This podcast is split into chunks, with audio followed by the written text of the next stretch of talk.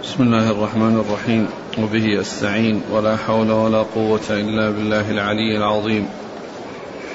قال الإمام الحافظ عبد الغني بن عبد الواحد المقدسي رحمه الله تعالى في كتابه العمدة في الأحكام باب العيدين. عن عبد الله بن عمر رضي الله عنهما أنه قال كان النبي صلى الله عليه وسلم وأبو بكر وعمر رضي الله عنهما يصلون العيدين قبل الخطبة. بسم الله الرحمن الرحيم. الحمد لله رب العالمين وصلى الله وسلم وبارك على عبده ورسوله نبينا محمد وعلى آله وأصحابه أجمعين. ما بعد يقول الإمام الحافظ عبد الغني بن عبد الواحد المقدسي رحمه الله باب صلاة العيدين. باب صلاة العيدين. باب, باب العيدين. باب العيدين. العيدان هما عيدا المسلمين اللذين ليس لهم أعياد سواهما يعني في السنة وهما عيد الأضحى وعيد الفطر. وال للعهد يعني العهد الذهني أي العيدان المعهودان في الأذهان وهما عيد الفطر وعيد الأضحى. و والعيد, والعيد سمي عيدا لأنه يتكرر ويعود. والمسلمون لهم في السنة عيدان ولهم في كل أسبوع عيد وهو يوم الجمعة لأن الجمعة عيد الأسبوع وفيه يلتقي أهل الأحياء المتعددة في مسجد واحد يجتمعون فيه ويلتقي بعضهم ببعض لأداء هذه الجمعة لأداء هذه الصلاة وهي صلاة الجمعة. و و فإذا في السنة عيدان وفي الأسبوع عيد والعيدان اللذان في السنة وهما عيد الأضحى وعيد الفطر هما يأتيان بعد إتمام عبادة. شكر الله عز وجل على ما أنعم وعلى ما أتم من العبادة. فكان عيد الأضحى يأتي عيد الفطر يأتي بعد إتمام الصيام وبعد حصول النعمة والفضل من الله عز وجل بإكمال شهر الصيام. ولهذا قيل له عيد الفطر. يعني أنه منسوب إلى الفطر يعني الفطر من رمضان. الفطر من رمضان. وكذلك أيضا زكاة الفطر تضاف إليه لأنها شكر الله عز وجل على إتمام النعمة. فكل من عيد الفطر وزكاة الفطر منسوبان إلى الفطر لأنهما جميعا شكر الله عز وجل على نعمة إكمال الصيام وإتمام هذه العبادة العظيمة. وعيد الأضحى يأتي بعد إكمال الحج. يعني إكمال آه، آه، بعد الإتيان بالركن الأعظم الذي إذا فات فاته الحج وهو الوقوف بعرفة. وإن كان بقية أعمال الحج يعني تأتي فيما بعد مثل طواف الإفاضة والسعي إلا أن الشيء الذي آه، يفوت الحج بفواته قد حصل وقد تم فيكون في ذلك اليوم ذبح الهدي للحجاج وذبح الأضاحي الأضاحي لغير الحجاج. وذبح الأضاحي لغير الحجاج. فإذا كل منهما بعد يأتي بعد عبادة عظيمة. عبادة هي صيام شهر رمضان وهو الركن الرابع من أركان الإسلام والحج أو العيد الأضحى يأتي بعد إكمال عبادة وهي حصول الحج الذي هو الركن الخامس من أركان الإسلام. الركن الخامس من أركان الإسلام. والجمعة كذلك تأتي بعد مضي أسبوع من أعمال من, من, من الصلوات الخمس التي يأتي بها المسلم في جميع أيام الأسبوع. فإذا مضى أسبوع فإنه آه، آه، يأتي بهذه العبادة التي هي صلاة الجمعة. في يوم الجمعة فتكون يعني يوم الجمعة بعد الاتيان بالصلوات في الأسبوع والعيدان السنويان بعد إتمام الصيام وإتمام الحج. وعيد الفطر يحرم صيامهما. عيد الفطر والأضحى يحرم صيامهما. ولا يجوز صيامهما بحال من الأحوال. وأما أيام التشريق فإنها يصومها من لم يجد الهدي. وأما عيد الأضحى فإنه لا يصام أبدا وكذلك عيد الفطر لا يصام أبدا. ويوم الجمعة شبه يعني بهما من ناحية أنه لا يجوز إفراده بالصوم لا يجوز إفراده بالصوم لأنه عيد. فكونه يصام مع غيره لا بأس بذلك ولكن كونه يفرد بالصيام ويخص بالصيام لا يجوز لأنه يوم عيد وهو يشبه عيد الأضحى والفطر اللذان لا يجوز آه، آه، آه، صيامهما. ولكنه يتميز عنهما ويختلف بأنه يجوز إذا صيم يوم قبله أو يوم أو صيم يوم بعده. ثم ذكر حديث ابن عمر. حديث ابن عمر أن النبي صلى الله عليه وسلم وأبا بكر وعمر رضي الله عنهما كان يصليان العيد قبل الخطبة يعني يأتيان بالصلاة قبل الخطبة.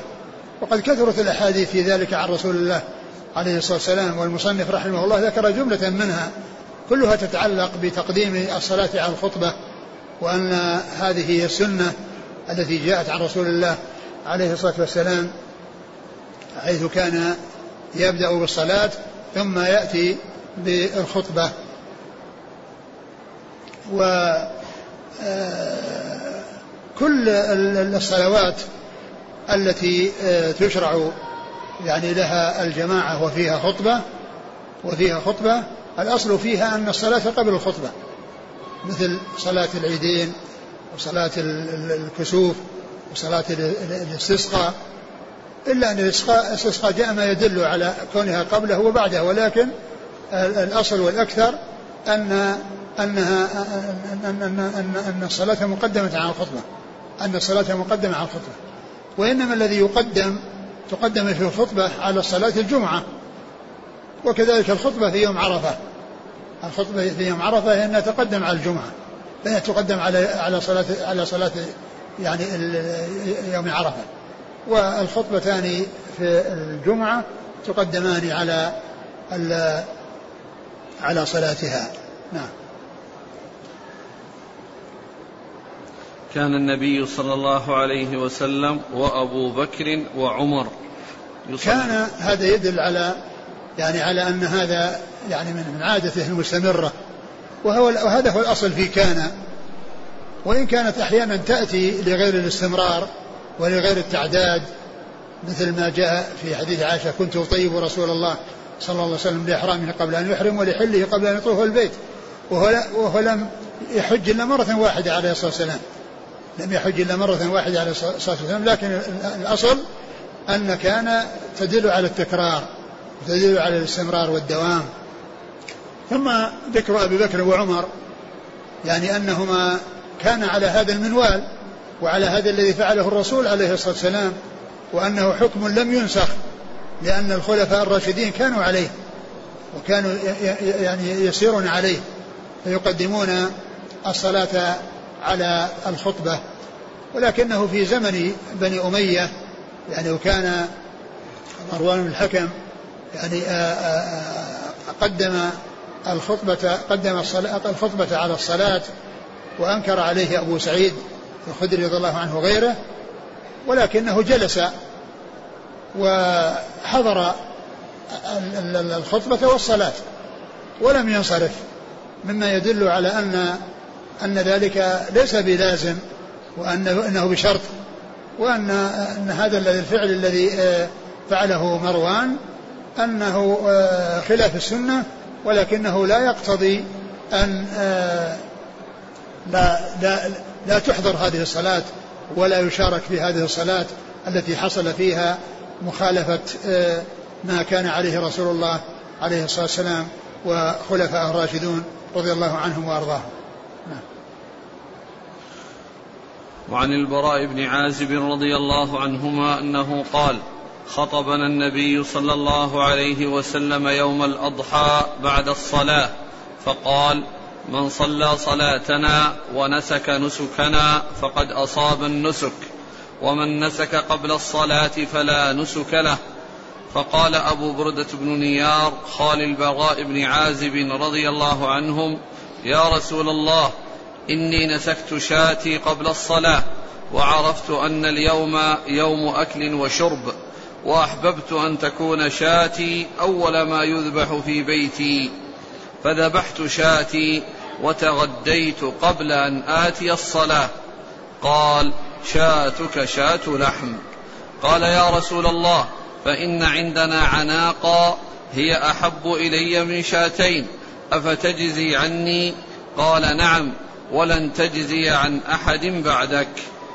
ثم ذكر حديث البراء بن عازب رضي الله عنهما وهو دال على ما دل عليه الذي الحديث الذي قبله وهو النبي صلى الله عليه وسلم خطب الناس بعد الصلاة في عيد الأضحى وخطب الناس وقال من صلى صلاتنا ونسك من صلى صلاتنا ونسك نسكنا نعم. فقد أصاب النسك. فقد أصاب النسك يعني أن نسك صحيح. النسك الذي هو النسيكة وهي الذبيحة التي تذبح في الأضحى. يعني أن وهذا يدل على أن الأضاحي إنما تذبح بعد الصلاة لا تذبح قبل الصلاة. لأن النبي عليه الصلاة والسلام خطب الناس وبين ذلك. من صلى صلاتنا ونسك نسكنا فقد أصاب النسك. ومن؟ ومن نسك قبل الصلاة فلا نسك له. ومن نسك قبل الصلاة فلا نسك له. يعني أن عمله غير صحيح. لأن لأن النسيكة أوقعت في غير وقتها وقبل وقتها. النسيكة التي فيها الذبيحة والأضحية وقعت قبل وقتها وقتها تكون يكون بعد الصلاة لا يكون قبله. فلما قال رسول الله صلى الله عليه وسلم ذلك قام أبو بردة بن نيار رضي الله عنه لأنه حصل منه شيء يخالف هذا الذي أخبر به الرسول عليه الصلاة والسلام وأنه لا نسك له. قال إنني ذبحت أضحيتي قبل الصلاة. وقال إن اليوم يوم أكل وشرب ويعني أحب أن تكون نسيكة أول ما يذبح في بيته وأنه آه، أكل منها قبل أن يأتي إلى الصلاة. فالرسول عليه الصلاة والسلام قال شاتك شاة لحم. يعني هذه مو أضحية. هذه من من من من, من الذبائح التي يأكلها يذبحها الناس للأكل. يعني مثل الذي يذبح في محرم وصفر وربيع ورمضان وسائر شهور السنة لا ليس لها علاقة في النسك لأن النسك إنما يكون بعد يبدأ بعد الصلاة. أما كان قبل الصلاة فإنه لا يعتبر نسكا ولا يعني يصح منه ذلك الفعل. يعني فهو رضي الله عنه يعني أخبر بالذي دفعه إلى هذا الفعل وهو أن الناس يشتهون اللحم وهو يوم أكل وشرب فأراد أن تؤكل ذبيحته وأن يأكل منها هو قبل أن يصلي.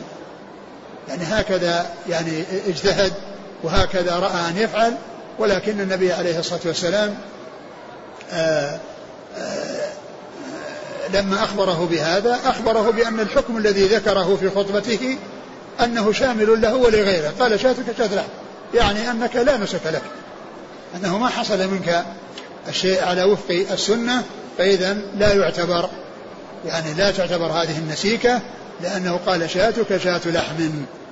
يعني مثل الشياه التي تذبح في أي وقت من السنة من أجل الأكل ومن أجل الاستمتاع يعني بهذه النعمة التي هي نعمة آه، بهيمة الأنعام والأكل منها. قال شاتك شاة لحم.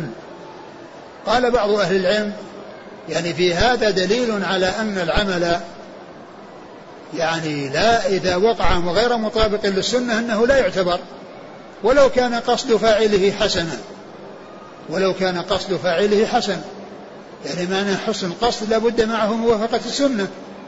ما يكفي أن يقول الإنسان والله أنا أردت الخير وأن أو من أراد الخير وفعل مثل هذا الفعل لا بأس ولو كان لم يوافق السنة. لا يعني هذا الحديث أو هذا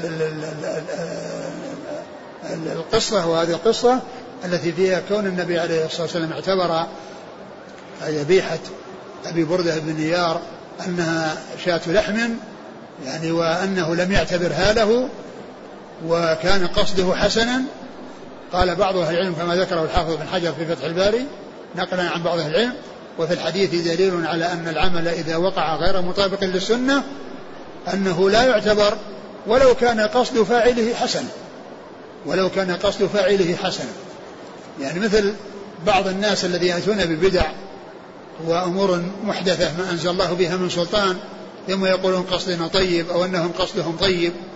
هذا الحديث يدل على خلاف ما زعموه وعلى خلاف ما قالوه لأنه لابد مع يعني لابد مع الفعل يعني لابد مع حسن القصد أن يكون الفعل مطابقا للسنة وأنه إذا وجد حسن القصد مع المخالفة للسنة فإن ذلك لا يعتبر.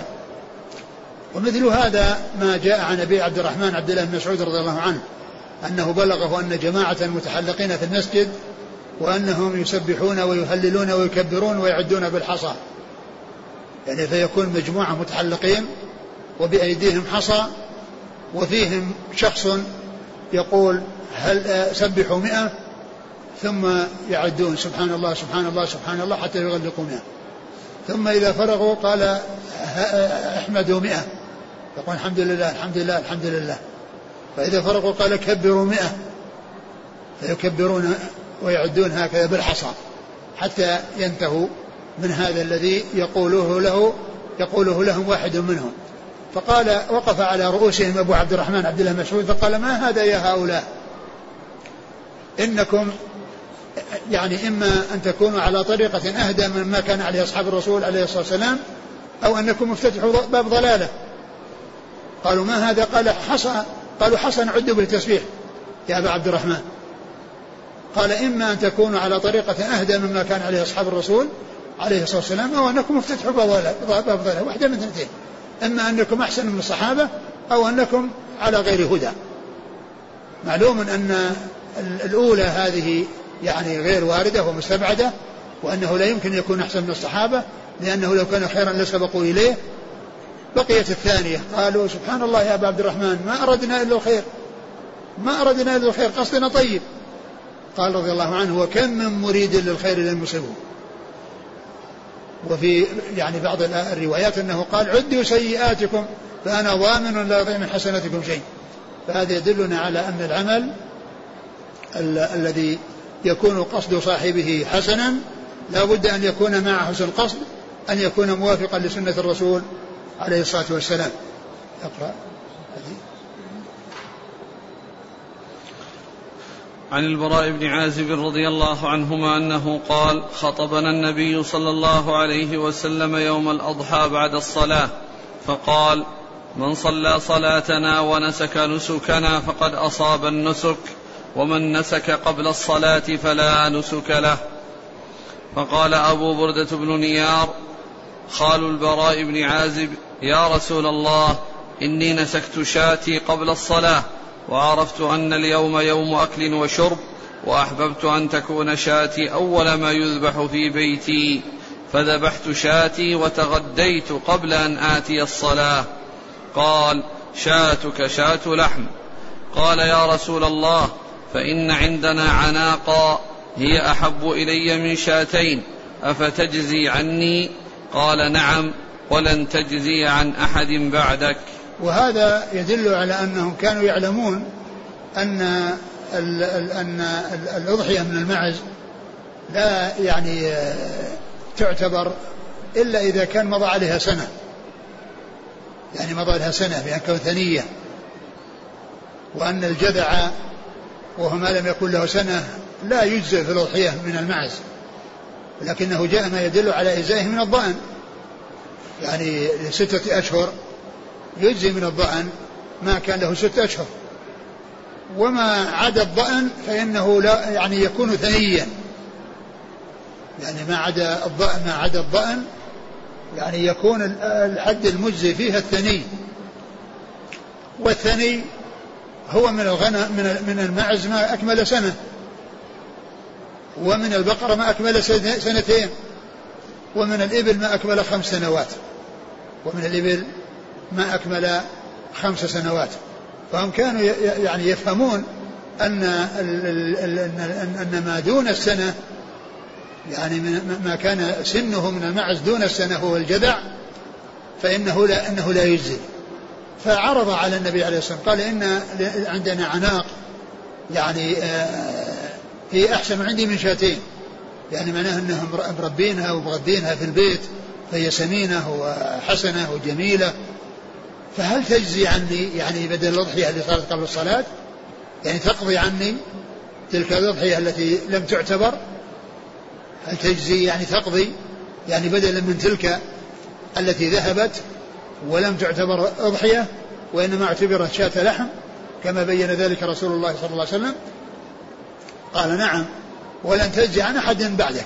يعني معناه أن هذا خاص بك أن هذا خاص بك. ودل هذا على أن أن هذا الذي آه، آه، أذن فيه الرسول عليه الصلاة والسلام لأبي بردة بأن يذبح هذا الذي هو دون السنة من المعز أن هذا ليس حكما يعني عاما لكل أحد وأن الناس يتركون أو ينتقلون من الثني إلى الجذع بناء على هذا الذي أذن فيه الرسول عليه الصلاة والسلام لأبي بردة بن نيار وإنما هذا خاص به. أنها تجزي عنك ولن تجزي عن أحد بعدك. يعني أن الحكم على ما هو عليه.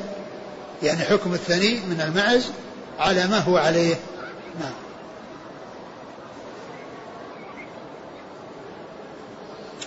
وعن جندب بن عبد الله البجلي رضي الله عنه أنه قال صلى النبي صلى الله عليه وعلى آله وسلم يوم النحر ثم خطب ثم ذبح وقال من ذبح قبل أن يصلي فليذبح أخرى مكانها ومن لم يذبح فليذبح بسم الله. ثم ذكر حديث جندب بن عبد الله ومثل الذي قبله يدل على أن الخطبة بعد الصلاة. يدل على أن الخطبة بعد الصلاة. هذه الحديث الثلاثة التي مضت كلها أن الخطبة قبل الصلاة بعد الصلاة. وحديث جندب بن عبد الله أن النبي صلى الله عليه وسلم صلى بهم الإضحى ثم خطب ثم نحر ثم ذبح. يعني ذبح الأضحية. وقال من ذبح قبل أن يصلي فليذبح أخرى مكانها. ومن من ذبح قبل أن يصلي فليذبح أخرى مكانها. يعني لأن تلك الذبيحة لا, لا تعتبر. وإنما عليه أن يأتي بمكانها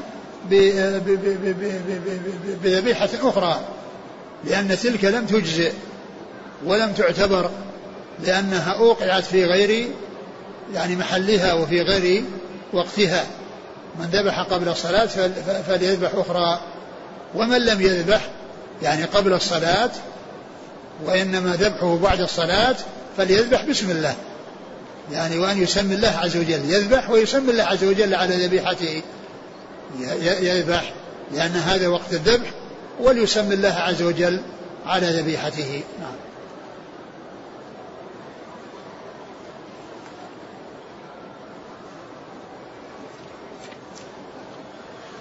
وعن جابر رضي الله عنه أنه قال شهدت مع النبي صلى الله عليه وسلم يوم العيد فبدأ بالصلاة قبل الخطبة بلا أذان ولا إقامة. ثم قام متوكئا على بلال فأمر بتقوى الله وحث على طاعته ووعظ الناس وذكرهم ثم مضى حتى أتى النساء فوعظهن وذكرهن. وقال تصدقن فانكن أكثر حطب جهنم. فقامت امرأة من سطة النساء سفعاء الخدين فقالت لم يا رسول الله؟ فقال لانكن تكثرن الشكاة وتكفرن العشير. قال فجعلن يتصدقن من حليهن يلقين في ثوب بلال من أقرطتهن وخواتيمهن. ثم ذكر حديث جابر بن عبد الله رضي الله عنهما وهو مثل الذي قبله من الأحاديث. يعني تقديم الصلاة على الخطبة. كل هذه الأحاديث الأربعة التي جاءت كلها تقديم الصلاة على الخطبة. فالرسول عليه الصلاة والسلام خطب يعني آه، آه، خطب يعني بعد أن صلى العيد بلا أذان ولا إقامة. يعني معناها أن صلاة العيد ليس لها أذان وليس لها إقامة. ليس لها أذان وليس لها إقامة. ليست مثل الصلوات الخمس التي لها أذان وإقامة. وإنما يخرج الناس إلى المصلى ويصلون بدون أذان وإقامة. يصلون العيد أو العيدين بدون أذان ولا إقامة. فهذا يدل على أن أن الخطبة تؤخر عن الصلاة وعلى أنه ليس لها أي لصلاة العيدين أذان ولا إقامة. ثم إن الرسول عليه الصلاة والسلام لما صلى يعني خطب الناس وكان متكئا على بلال فذكر الناس وعظهم وخطبهم. ثم إنه انتقل إلى مكان النساء وكانت النساء متأخرات. فيعني يعني ظن أنه لم يسمعهن وأنهن ما سمعن الخطبة. لبعد المكان فذهب إليهن وذكرهن ووعظهن وقال تصدقنا يا معشر النساء فإن كن أكثر أهل جهنم. ف فحثهن على الصدقة. وهذا يدل على أن الصدقة من أسباب السلامة من من عذاب جهنم. ولهذا جاء عن النبي عليه الصلاة والسلام أنه قال آه اتقوا النار ولو بشق تمرة اتقوا النار ولو بشق تمرة يعني يتصدق الإنسان ولو بشيء القليل ليتقي النار. ويدل على أن من أسباب السلامة من النار الصدقة. ولهذا قال تصدقنا فإن كنا أكثر أكثر حطب جهنم أو أكثر أهل جهنم. فلما قال ذلك قامت امرأة من سطة النساء سفع الخدين. يعني قامت امرأة من وسط النساء. وقالت لما يا رسول الله؟ يعني إيش السبب الذي جعل النساء أكثر أهل النار؟ ما هو السبب؟ ولماذا؟ وهذا يدل على حرص آه، آه، الصحابيات رضي الله عنهن وأرضاهن على معرفة الأسباب التي تؤدي إلى العذاب ليعملن على السلامة منها وعلى الابتعاد يعني عنها وأن يأخذن بالأسباب يأخذن بالأسباب التي تؤدي إلى الابتعاد عن الوصول إلى يعني هذا العذاب والوقوع في هذا العذاب. قالت لما يا رسول الله؟ وكان وكان سفع الخدين. وهذا يعني قيل فيه أن هذا دليل على كشف المرأة وجهها. ولا دليل فيه لأن هذا يمكن أن يكون قبل الحجاب. يعني أن هذا الذي حصل قبل أن يفرض الحجاب. ويمكن أن يكون أيضا أنها لما قال هذا الكلام وأنها ذهلت وفزعت وفجعت يعني بهذا الأمر وأنها قامت يعني فحصل أن يعني بدأ يعني خداها أو شيء من خديها. قال سفع الخدين يعني آه يعني اللون لون الخد مختلف. يعني ليس يعني على يعني على هيئة واحدة. يعني بأن يكون يعني صافيا وأن يكون نقيا وإنما كان فيه لون يعني مع تغير يعني بلون آخر. يعني ليس لونا واحدا أو لون يعني صافيا يعني جسدها أو خدها سفع الخدين. فقالت لما يا رسول الله؟ قال لأن كنا تكثرن الشكاية وتكفرن العشير. تكثرن الشكاية يعني الشكوى وكفران العشير. الذي هو الزوج يعني أنها يحسن إليها ولا تعترف بذلك الإحسان. وكما جاء أنه لو أحسن إلى إحداهن الدهر ثم رأت يعني شيئا لا يسرها قالت ما رأيت خيرا قط. تنسى يعني بحادثة معينة غير غير طيبة كل الجميل الذي قد مضى والإحسان الذي قد مضى. فقال تكثرن الشكاية وتكفرن العشير. وهذا من كفر النعمة. هذا من كفر النعمة. ولهذا كفر العشير يعني كفر نعمته وإحسانه وعدم ال يعني ال الإقرار بذلك ومعرفة الجميل ممن يعني حصل منه الجميل. تكثرن الشكاية وتكفرن العشير. إيش بعده؟ قال فجعلنا يتصدقن من حليهن. فبادرنا بادرنا رضي الله عنهن إلى التنفيذ لهذا الذي أمرنا به من الصدقة والذي يكون سببا في سلامتهن من النار وهو الصدقة. فما انتظرنا إلى أن يذهبن إلى البيوت ويعطينا مما في البيوت بل بادرنا في نفس المكان. وجدنا بما هو موجود معهن جدنا بما هو موجود معهن فجعلت المرأة تخرج تأخذ من حليها الذي هو معها وتلقيه في ثوب بلال. في ثوب بلال. فمن خواتيمهن وأقراطهن. الأقراط التي تتعلق بالآذان والخواتيم التي تكون في الأصابع.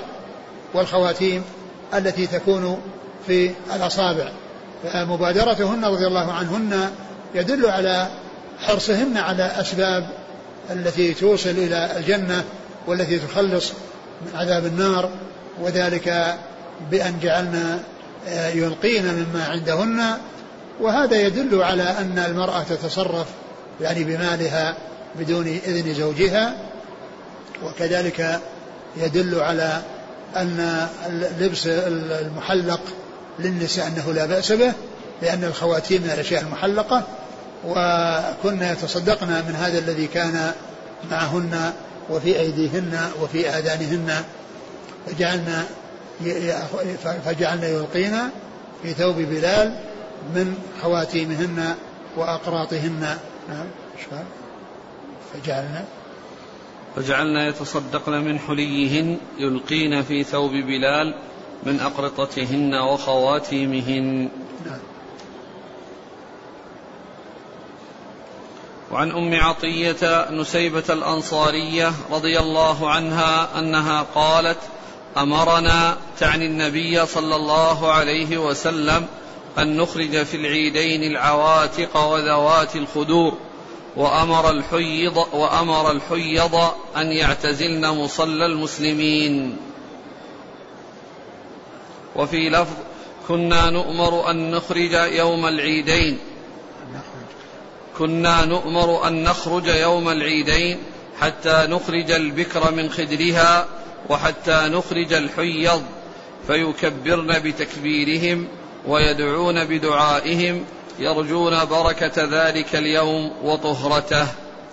ثم ذكر حديث عطية رضي الله عنها وهو أن النبي صلى الله عليه وسلم أمر النساء أن يخرجن للعيدين أن يخرجن للعيدين وأن تخرج العواتق وهن الشابات التي أدركنا وبلغنا وحصل منهن البلوغ يعني في أول بلوغهن وكذلك ذوات الخدور وهي الأبكار التي كانت آه، يعني يهيأ لها خدر وهي جزء من من من البيت يعني يكون يعني محجوزا يعني تكون فيه يكون مستقرا لها فكان عليه الصلاة والسلام يأمر النساء بأن يخرجن للعيدين وأن يعني حتى ذوات الخدور والعواتق وحتى الحيض. يخرجن لا للصلاة وإنما لحضور الدعاء ويعني والذكر وسماع يعني الخطبة وما يحصل من العظات والتذكير. ف وهذا يدل على تأكد صلاة العيدين لأن النبي عليه الصلاة والسلام أمر بالخروج يعني من, من, هذه الأصناف يعني حتى هذه الأصناف من النساء اللاتي ليس من شأنهن الخروج ممن يعني يكون ملازما للبيت أو ممن يكون ليس من أهل الصلاة ولكن يحضر هذا المشهد العظيم وهذا الموسم العظيم وهذا اللقاء العظيم ليحصل الخير والطهرة والزكاء لنفسه بمشاركة المسلمين في هذا اللقاء وفي هذا الاجتماع. وبعض أهل العلم قال إن هذا الحديث يدل على وجوب صلاة العيدين وأنها واجبة لأن النبي صلى الله عليه وسلم أمر بإخراج الخروج إليها حتى الحيض يعني يخرجن ويحضرن ويعتزلن المصلى يعني ما يجلس مع مع المصلين وإنما يعتزلن المكان الذي يصلى فيه ليتميزن عن الطاهرات ولئلا يلوثن المكان الذي يصلى فيه بما يحصل منهن أو بما معهن من من الحيض. قالوا أن هذا فيه دليل على وجوب العيدين. والعلماء اختلفوا منهم من قال بالوجوب ومنهم من قال بفرض الكفاية ومنهم من قال بالاستحباب. و وهذا الحديث مما استدل به من قال بالوجوب. وكذلك أيضا يستدلون على ذلك بكون النبي عليه الصلاة والسلام أخبر بأنه إذا وافق عيد يوم جمعة أن من حضر العيد تسقط عنه الجمعة. أن من حضر العيد تسقط عنه الجمعة. قالوا فهذا يدل على وجوب يعني آه، صلاة العيد. لأن فرض الجمعة لازم وكونه إذا وافق عيد يوم جمعة وصلى الإنسان العيد فله التخلف عن الجمعة. له التخلف عن الجمعة. قالوا فهذا يدل على أن صلاة العيد واجبة لأنها تغني عن شيء واجب لأنها تغني عن شيء واجب. وكثير من العلم يقول أنها فرض كفاية ولكن آه الإنسان يحرص عليها وألا يتساهل فيها وألا يتهاون في أمرها بل يحرص على الذهاب إليها ومشاركة الناس في هذا اللقاء العظيم وفي هذه المناسبة العظيمة. أعد الحديث.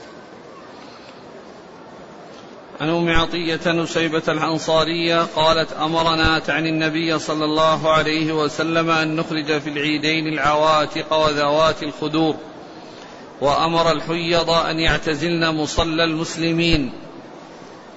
وفي لفظ كنا نؤمر أن نخرج يوم العيد حتى نخرج البكر من خدرها وحتى نخرج الحيض فيكبرن بتكبيرهم ويدعون بدعائهم يرجون بركة ذلك اليوم وطهرته. يعني خروج الحجر من أجل تحصيل هذه الأمور. أما الصلاة فإنهن لا يصلين. يعني لا يحصل منهن صلاة. أي صلاة؟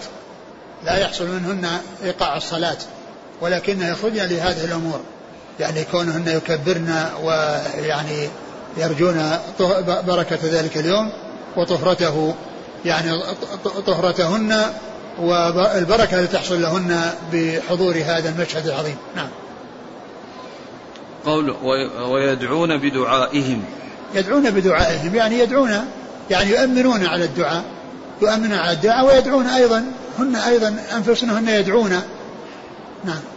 يعني هل يؤخذ منها أن من أتى المصلى يخلط بين التكبير والدعاء أو أن الإمام في الخطبة يحرص على الدعاء. لا هو الإنسان الذي يذهب كما هو معلوم الناس يكبرون يكبرون يعني حتى يخرج الإمام التكبير حاصل.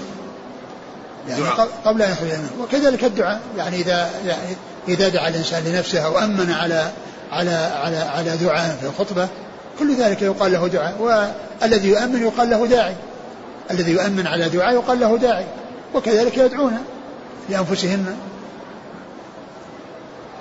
هل في الحديث دليل على أن المصلى له حكم المسجد في اعتزال الحيض عنه؟ نعم يدل على أن ما كان مهيئا للصلاة وما كان مخصوصا بالصلاة فإنه لا تجلس فيه الحائض. لا بقية الأحكام تحية المسجد تحية للمصلى. لا ما يقال. إذا كان إنه يعني يعني آه، إذا كان إنه مكشوف ومكان مكشوف يعني فإنه آه، يعني آه، ليس حكم حكم المسجد لأنه ما دخل مسجدا أما إذا كان مبنيا يعني فلا شك أنه يعتبر مسجد ويعتبر مصلى. يعني ف لكن هل تلزمه يعني تحية المسجد وأنه لا يجلس إلا يعني لا يجلس؟ ما ما يظهر أنه أنه مثل المسجد. يعني كونه يصلى فيه بالسنة مرة واحدة. نعم. ومعلوم أن أن أن العيدين لا يصلى لا سنة لهما لا قبلهما ولا بعدهما. نعم. يسأل الأخ عن ساحات المسجد النبوي هل للحائض أن تدخلها؟ ساحات المسجد النبوي هي من المسجد لأنها تحيط بها الأسوار والأبواب وليس لها أن تجلس يعني في هذه الساحات لأنها لا تعتبر شوارع لأن هناك مسجد وشارع فالذي داخل هذه الأسوار لا يقال انه شارع ولا يقال انه سوق هو مسجد. وما كان خارج الأسوار فهو شارع الذي يحصل به البيع والشراء وتجلس به الحائض وتنشد فيه الضالة. وأما ما كان داخل الأسوار والأبواب فهو مسجد ولكن لها أن تمر إلى دورات المياه الموجودة في داخل الساحات بأن آه، تقضي حاجتها ثم تخرج يعني وتكون خارج خارج الساحات. قال رحمه الله تعالى باب صلاة الكسوف. عن عائشة رضي الله عنها أن الشمس خسفت على عهد رسول الله صلى الله عليه وسلم فبعث مناديا ينادي الصلاة جامعة. فاجتمعوا وتقدم فكبر وصلى أربع ركعات في ركعتين وأربع سجدات. ثم ذكر باب صلاة الكسوف. الكسوف والخسوف قيل هما مترادفتان. يعبر عن كل من كسوف الشمس والقمر بالكسوف والخسوف إلا أن الغالب استعمال الكسوف للشمس والخسوف للقمر. وقد جاء ذكر الخسوف مضافا إلى القمر في القرآن. وجاء في هذا الحديث ذكر الخسوف مضافا إلى الشمس. خسفت؟ خسفت, خسفت الشمس. نعم مضافا إلى الشمس. فدل هذا على أنه يطلق على يعني آه، ما يحصل للشمس خسوف وكسوف وكذلك ما يحصل للقمر وإن كان الغالب في الاستعمال أن يطلق الكسوف على ما يحصل للشمس والخسوف على ما يحصل للقمر. والرسول عليه الصلاة والسلام لما كسفت الشمس وخسفت الشمس في زمنه عليه الصلاة والسلام يوم مات ابنه إبراهيم وكان ذلك في العاشر من المحرم آه، يعني آآ الرسول عليه الصلاة والسلام يعني أمر أن ينادى لها الصلاة جامعة. الصلاة جامعة. لأن هذا شيء لا يعرف إلا عن طريق النداء. الناس في بيوتهم لا ينظرون إلى الشمس إلى القمر إيش حصل لهم. لكن إذا نبهوا بأن يأتوا للصلاة. الصلاة جامعة. وبالنسبة للعيدين ما يحتاج فيهما إلى أن ينادى لها لأن الناس يعرفون أن أن, أن هذا يوم عيد يعني من قبل أن يأتي يوم العيد بالنسبة للعيد بثبوت آه، دخول خروج رمضان وذلك عند بعد المغرب. فإذا عرف الناس أنه دخل الشهر اللي هو شهر شوال معناه أن العيد بكرة أن العيد هو نفس اليوم التالي. هذا اليوم الذي بعد خروج رمضان. وكذلك عيد الأضحى معروف أنه يعني الناس يعني آه، دخل الشهر ويوم عرفة يوم كذا والعيد يوم كذا فالناس يعرفون هذه الأشياء فلا يحتاج إلى أن ينادى لها. أما الكسوف يحتاج إلى أن ينادى يعني شيء طارئ. يعني شيء هكذا طارئ يعني مفاجئ للناس. فينبهون إلى أن يخرجوا ويأتوا للصلاة. أمر أن يذاله فقال صلاة جامعة. يعني معناه اجتمعوا لأداء هذه الصلاة التي هي متعلقة بسبب وهو حصول الكسوف أو الخسوف الشمس والقمر. ثم إنه عليه الصلاة والسلام صلى بهم يعني ركعتين في كل ركعة أربع ركو أربع أربعة ركوعات وأربع سجدات. وقد ذكر هنا عبر عن عن الركوع بالركعة. وليس المقصود الركعة التي هي كاملة من أولها إلى آخرها لأن المقصود آه، ركوعات. يعني وهذا خلاف ما هو معروف في الصلوات الأخرى لأن الصلوات الأخرى ما فيها إلا ركوع واحد وسجدتان. ركوع واحد وسجودان. وأما هذه الصلاة ففيها أربعة ركوعات وأربع سجدات. أربع سجدات يعني هذه تختلف عن غيرها. فكان عليه الصلاة والسلام صلى بهم يعني ركعتين وأتى بكل ركعة بركوعين وسجدتين. وكان ما حصل لمجموع الركعتين أربعة سجودات أربعة ركوعات وأربع آه وأربع سجدات. أعد الحديث. أن الشمس خسفت على عهد رسول الله صلى الله عليه وسلم فبعث مناديا ينادي الصلاة جامعة. فاجتمعوا وتقدم فكبر وصلى أربع ركعات في ركعتين وأربع سجدات. يعني أربع ركوعات في ركعتين وأربع سجدات يعني الشيء الجديد عن الصلوات المعروفة زيادة ركوعين. في كل ركعة ركوع مع الركوع ال ال ال الأصلي فصارت فيها في في كل ركعة ركوعان وسجدتان. ركوعان وسجدتان نعم. وقد جاء في بعض الأحاديث الصحيحة يعني تعداد الركوعات وزيادتها عن الأربعة ولكن المحفوظ هو الأربعة.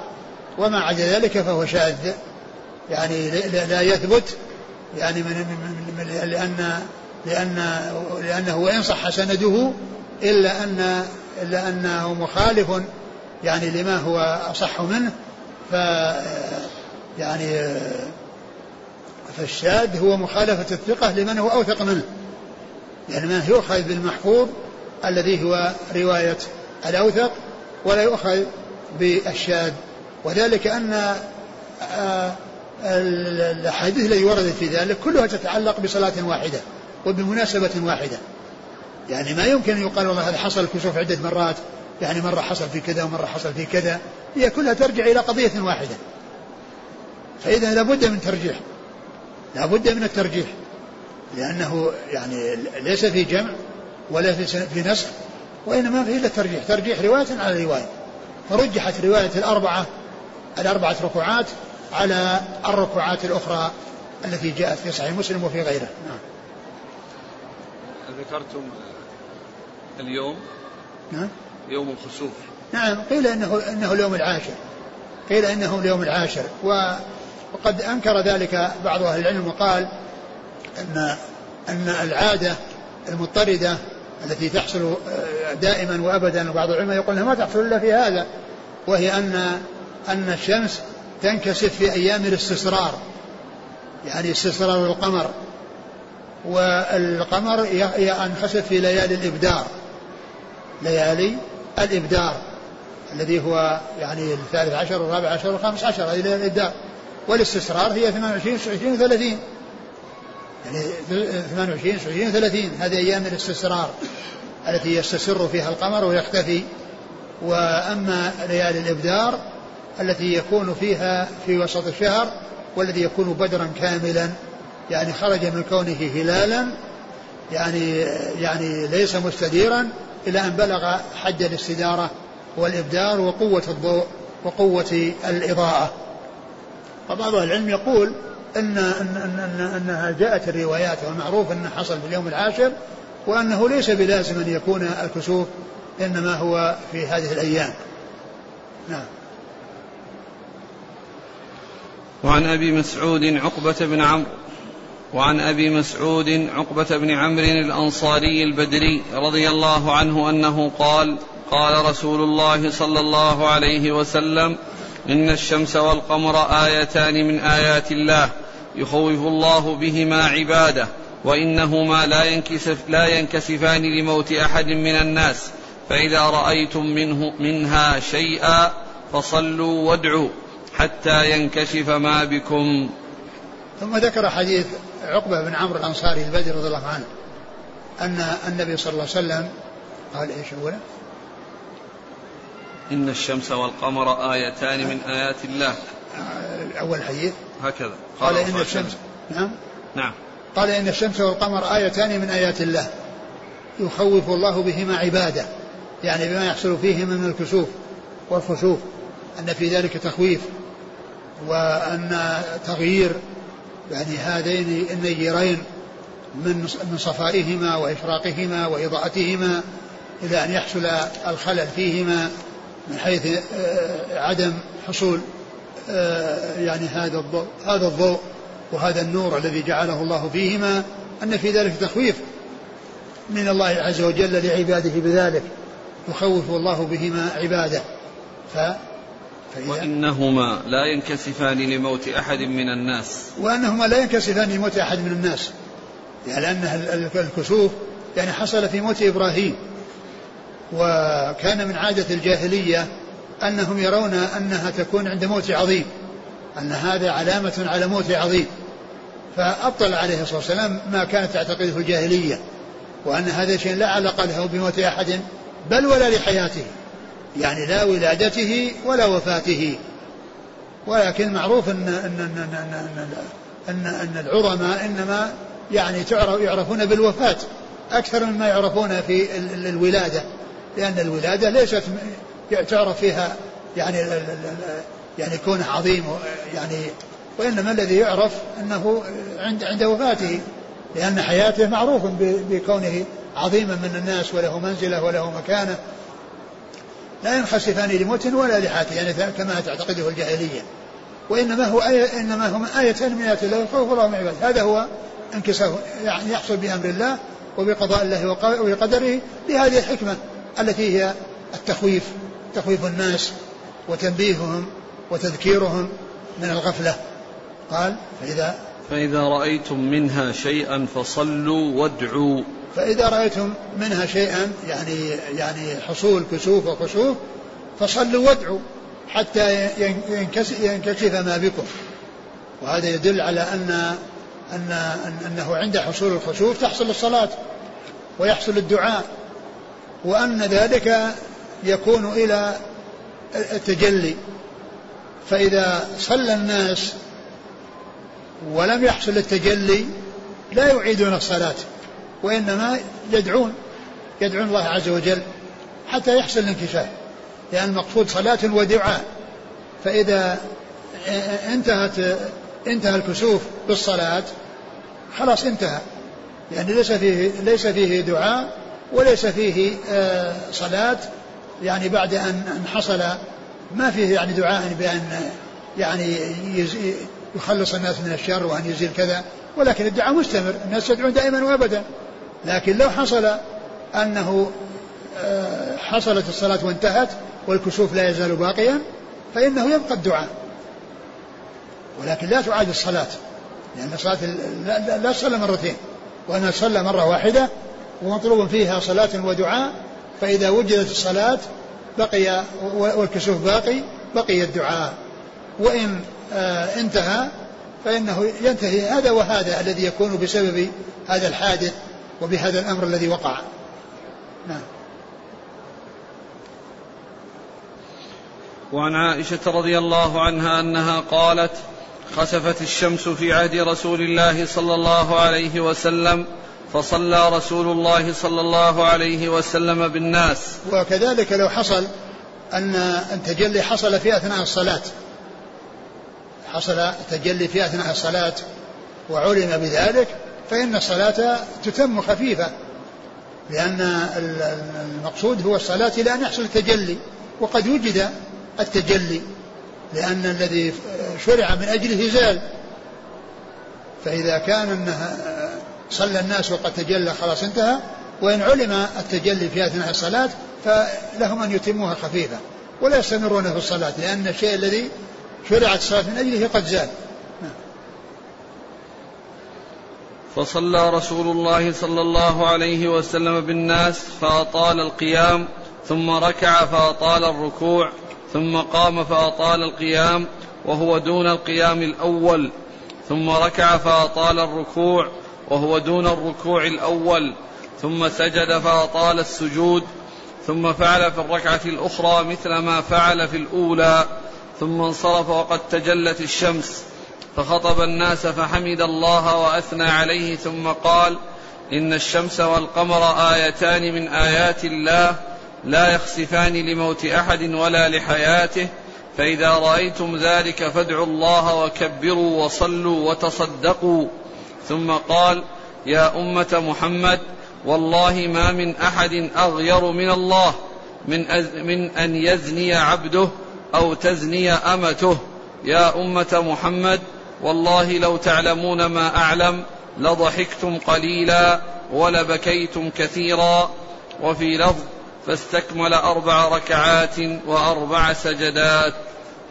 ثم ذكر هذا الحديث الذي فيه أن النبي عليه الصلاة والسلام لما حصل الكسوف صلى بالناس وأتى يعني بهذه الكيفية التي هي أربع ركوعات وأربع سجدات في ركعتين.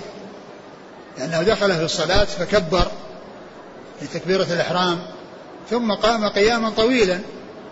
قام قياما طويلا ثم إنه ركع يعني ركوعا طويلا. ثم إنه قام بعد الركوع وقام قياما طويلا ولكنه دون القيام الأول. يعني وهذا مثل ما هو مشروع بالنسبة للصلوات. يعني الركعة الأولى أطول من الثانية. ركعة الأولى أطول من الثانية. ف فالركوع الأول القيام الأول هو الطويل لأنه يكون في أول الأمر والناس في نشاط والركوع الثاني يكون أخف منه وإن كان وهو طويل للقيام الثاني. وكذلك الركوع الأول يكون طويلا. ويكون أطول من الركوع الثاني الذي يكون بعد القيام الثاني.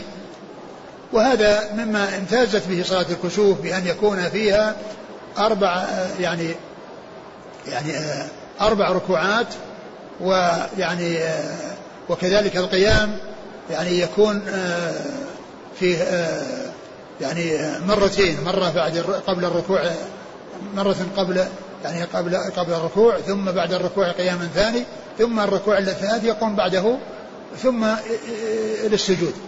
يعني يقوم مثل ما يقوم في سائر الصلوات يعني يرفع ثم يسجد. ولكنه يعني يكون دون القيام يعني القيام الأول والقيام الثاني اللي بين الركوع الذي في قبله اللي بعد تكبيرة الإحرام.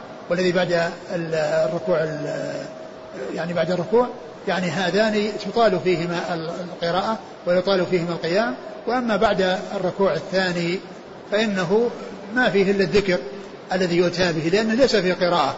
ثم يهوي للسجود ويسجد طويلا. ثم يقوم يعني بين السجدتين. ثم يسجد السجدة الثانية وهي طويلة أقل من الأولى. ثم ركعة الثانية كذلك. ولهذا قال في آخره استكمل أربع ركوعات أربع ركعات وأربع سجدات يعني أربع ركوعات أربعة ركوعات. المقصود الركعات الركوعات. ثم قام وخطب الناس وقال حمد الله وأثنى عليه ثم قال إن الشمس والقمر آية. خطب الله وحمد الله وأثنى عليه لما خطب. هذا يدل على أن الخطب تبدأ بحمد الله والثناء عليه سبحانه وتعالى. تبدأ بحمد الله والثناء عليه سبحانه وتعالى. نعم. وقال إن الشمس والقمر آيتان من آيات الله لا يخسفان لموت أحد ولا لحياته. فإذا رأيتم ذلك فادعوا الله وكبروا وصلوا وتصدقوا. وهذا في ذكر التصدق. وفي هذا في ذكر التصدق بالإضافة إلى الدعاء وإلى الذكر وإلى الصلاة فإنه يحصل التصدق. نعم. ثم قال يا أمة محمد والله ما من أحد أغير من الله من أن يزني عبد عبده أو تزني أمته. وهذا فيه يعني وصف الله بالغيرة. ومعلوم أن كل ما يوصف بالله به الله عز وجل يليق بكماله وجلاله وأنه لا يشبه في ذلك يعني مما هو حاصل للخلق لأنه الأمر كما قال الله عز وجل ليس كمثله شيء وهو السميع البصير. فيقال في جميع الصفات ما يقال في بعضها. لا فرق بين صفة وصفة. كل ما يثبت لله عز وجل يثبت على ما يليق به سبحانه وتعالى دون تعرض لتشبيه أو تمثيل أو تكييف وكذا أو, أو دون تعرض لتحريف أو تعطيل أو تأويل. بل الأمر كما قال الله عز وجل ليس كمثله شيء وهو السميع البصير. فيعني آه يعني زنا يعني آه يعني آه إيش الحديث؟ قال أغير من إيش؟ ما من أح والله ما من أحد أغير من الله من أن يزني عبده أو تزني أمته. نعم. يا أمة محمد والله لو تعلمون جميع الصفات كلها على نسق واحد كل ما ثبت في الكتاب والسنة من أسماء الله وصفاته يثبت على ما يليق به سبحانه وتعالى دون أن يكون هناك تشبيه أو تمثيل ودون أن يكون هناك تعريف أو تعطيل أو تأويل بل الأمر كما قال الله عز وجل ليس كمثله شيء هو السميع البصير ففيه الإثبات مع التنزيه. الإثبات في قوله هو السميع البصير والتنزيه في قوله ليس كمثله شيء. ف فالإثبات ينافي التعطيل. والتنزيه مع الإثبات ينافي التشبيه. والتنزيه مع مع مع الإثبات ينافي التشبيه. الذي هو إثبات وتشبيه لأن المشبهة أثبتوا وشبهوا والمعطلة يعني نزهوا وعطلوا وأهل السنة أثبتوا ونزهوا. يعني فعندهم الإثبات مع التنزيه ليس إثباتا معه تشبيه وليس تنزيها معه تعطيل وإنما هو إثبات مع التنزيه على ما يليق به مثل ما جاء في هذه الآية ليس كمثله شيء وهو السميع البصير. والله عز وجل يتصف بالغيرة والمخلوقون يتصفون بالغيرة ويتصف بالغضب والمخلوق يتصفون بالغضب ولكن ما يضاف إلى الله عز وجل من الغيرة والغضب يختلف عما يضاف إلى المخلوقين من الغيرة والغضب. فصفات الباري تليق بكماله وجلاله وصفات المخلوقين تليق بضعفهم وافتقارهم نعم. يا أمة محمد والله لو تعلمون ما أعلم لضحكتم قليلا ولبكيتم كثيرا. قال عليه الصلاة والسلام لو تعلمون ما أعلم لضحكتم قليلا ولبكيتم كثيرا. يعني أن الرسول عليه الصلاة والسلام أطلعه الله على ما لم يطلعهم عليه وأعلمه أو علمه ما لم يعلمهم إياه. ف ولهذا ولهذا قال عليه الصلاة والسلام في حديث حديث صحيح رواه مسلم لولا ألا تدافنوا لدعوت الله أن يطلعكم من عذاب القبر أن يسمعكم من عذاب القبر ما أسمع. لولا ألا تدافنوا لدعوت الله أن يسمعكم من عذاب القبر ما أسمع. لأن يعني من آه، يطلعه الله على شيء من العذاب وشيء من الأهوال يعني يقل ضحكه ويكثر بكاؤه. قال عليه الصلاة والسلام لو تعلمون ما أعلم لضحكتم قليلا ولبكيتم كثيرا. ولكن الله عز وجل عن حجب عنهم يعني هذه الأشياء حتى يتميز من يؤمن بالغيب ومن لا يؤمن بالغيب. نعم. وعن أبي موسى رضي الله عنه قال خسفت الشمس في زمان رسول الله صلى الله عليه وسلم فقام فزعا يخشى أن تكون الساعة حتى أتى المسجد فقام فصلى بأطول قيام وركوع وسجود. ما رأيته يفعله في صلاة قط. ثم قال إن هذه الآيات التي يرسلها الله لا تكون لموت أحد ولا لحياته ولكن الله عز وجل يرسلها يخوف بها عباده. فإذا رأيتم منها شيئا فافزعوا إلى ذكر الله ودعائه واستغفاره. ثم ذكر حديث أبي موسى الأشعري رضي الله عنه وهو أن النبي صلى الله عليه وسلم لما كسرت الشمس قام فزعا. يخشى أن تقوم الساعة. يعني فزعا يعني الفزع والخوف والذعر. يخشى أن تقوم الساعة. ولعل هذا كان قبل أن يعلم يعني بوقتها وأنها متأخرة وأنه لأنه عليه الصلاة والسلام ذكر علامات يعني يعني بين يديها منها ما هو قريب من قيامها ومنها ما هو قبل قيامها بمدة. فيعني كان هذا الفزع يخشى أن تقوم الساعة يعني قبل أن يعلم بأن الساعة يعني لا تقوم في زمنه عليه الصلاة والسلام وإنما تأتي تأتي بعد ذلك. يعني بعد أزمان يسبقها يعني أمور هي آه، من علاماتها منها ما هو قريب من قيامها ومنها ما هو بعيد من قيامها. ثم إنه عليه السلام صلى بالناس وقام قياما طويلا وركع ركوعا طويلا وسجد سجودا طويلا ما كان يعلم أبو موسى رضي الله عنه شيئا أطول منه في صلاته عليه الصلاة والسلام. ثم إنه خطب الناس وأمرهم بأنهم آه، يقبلون على الذكر والدعاء يعني عندما يحصل شيء من هذه الآيات. نعم.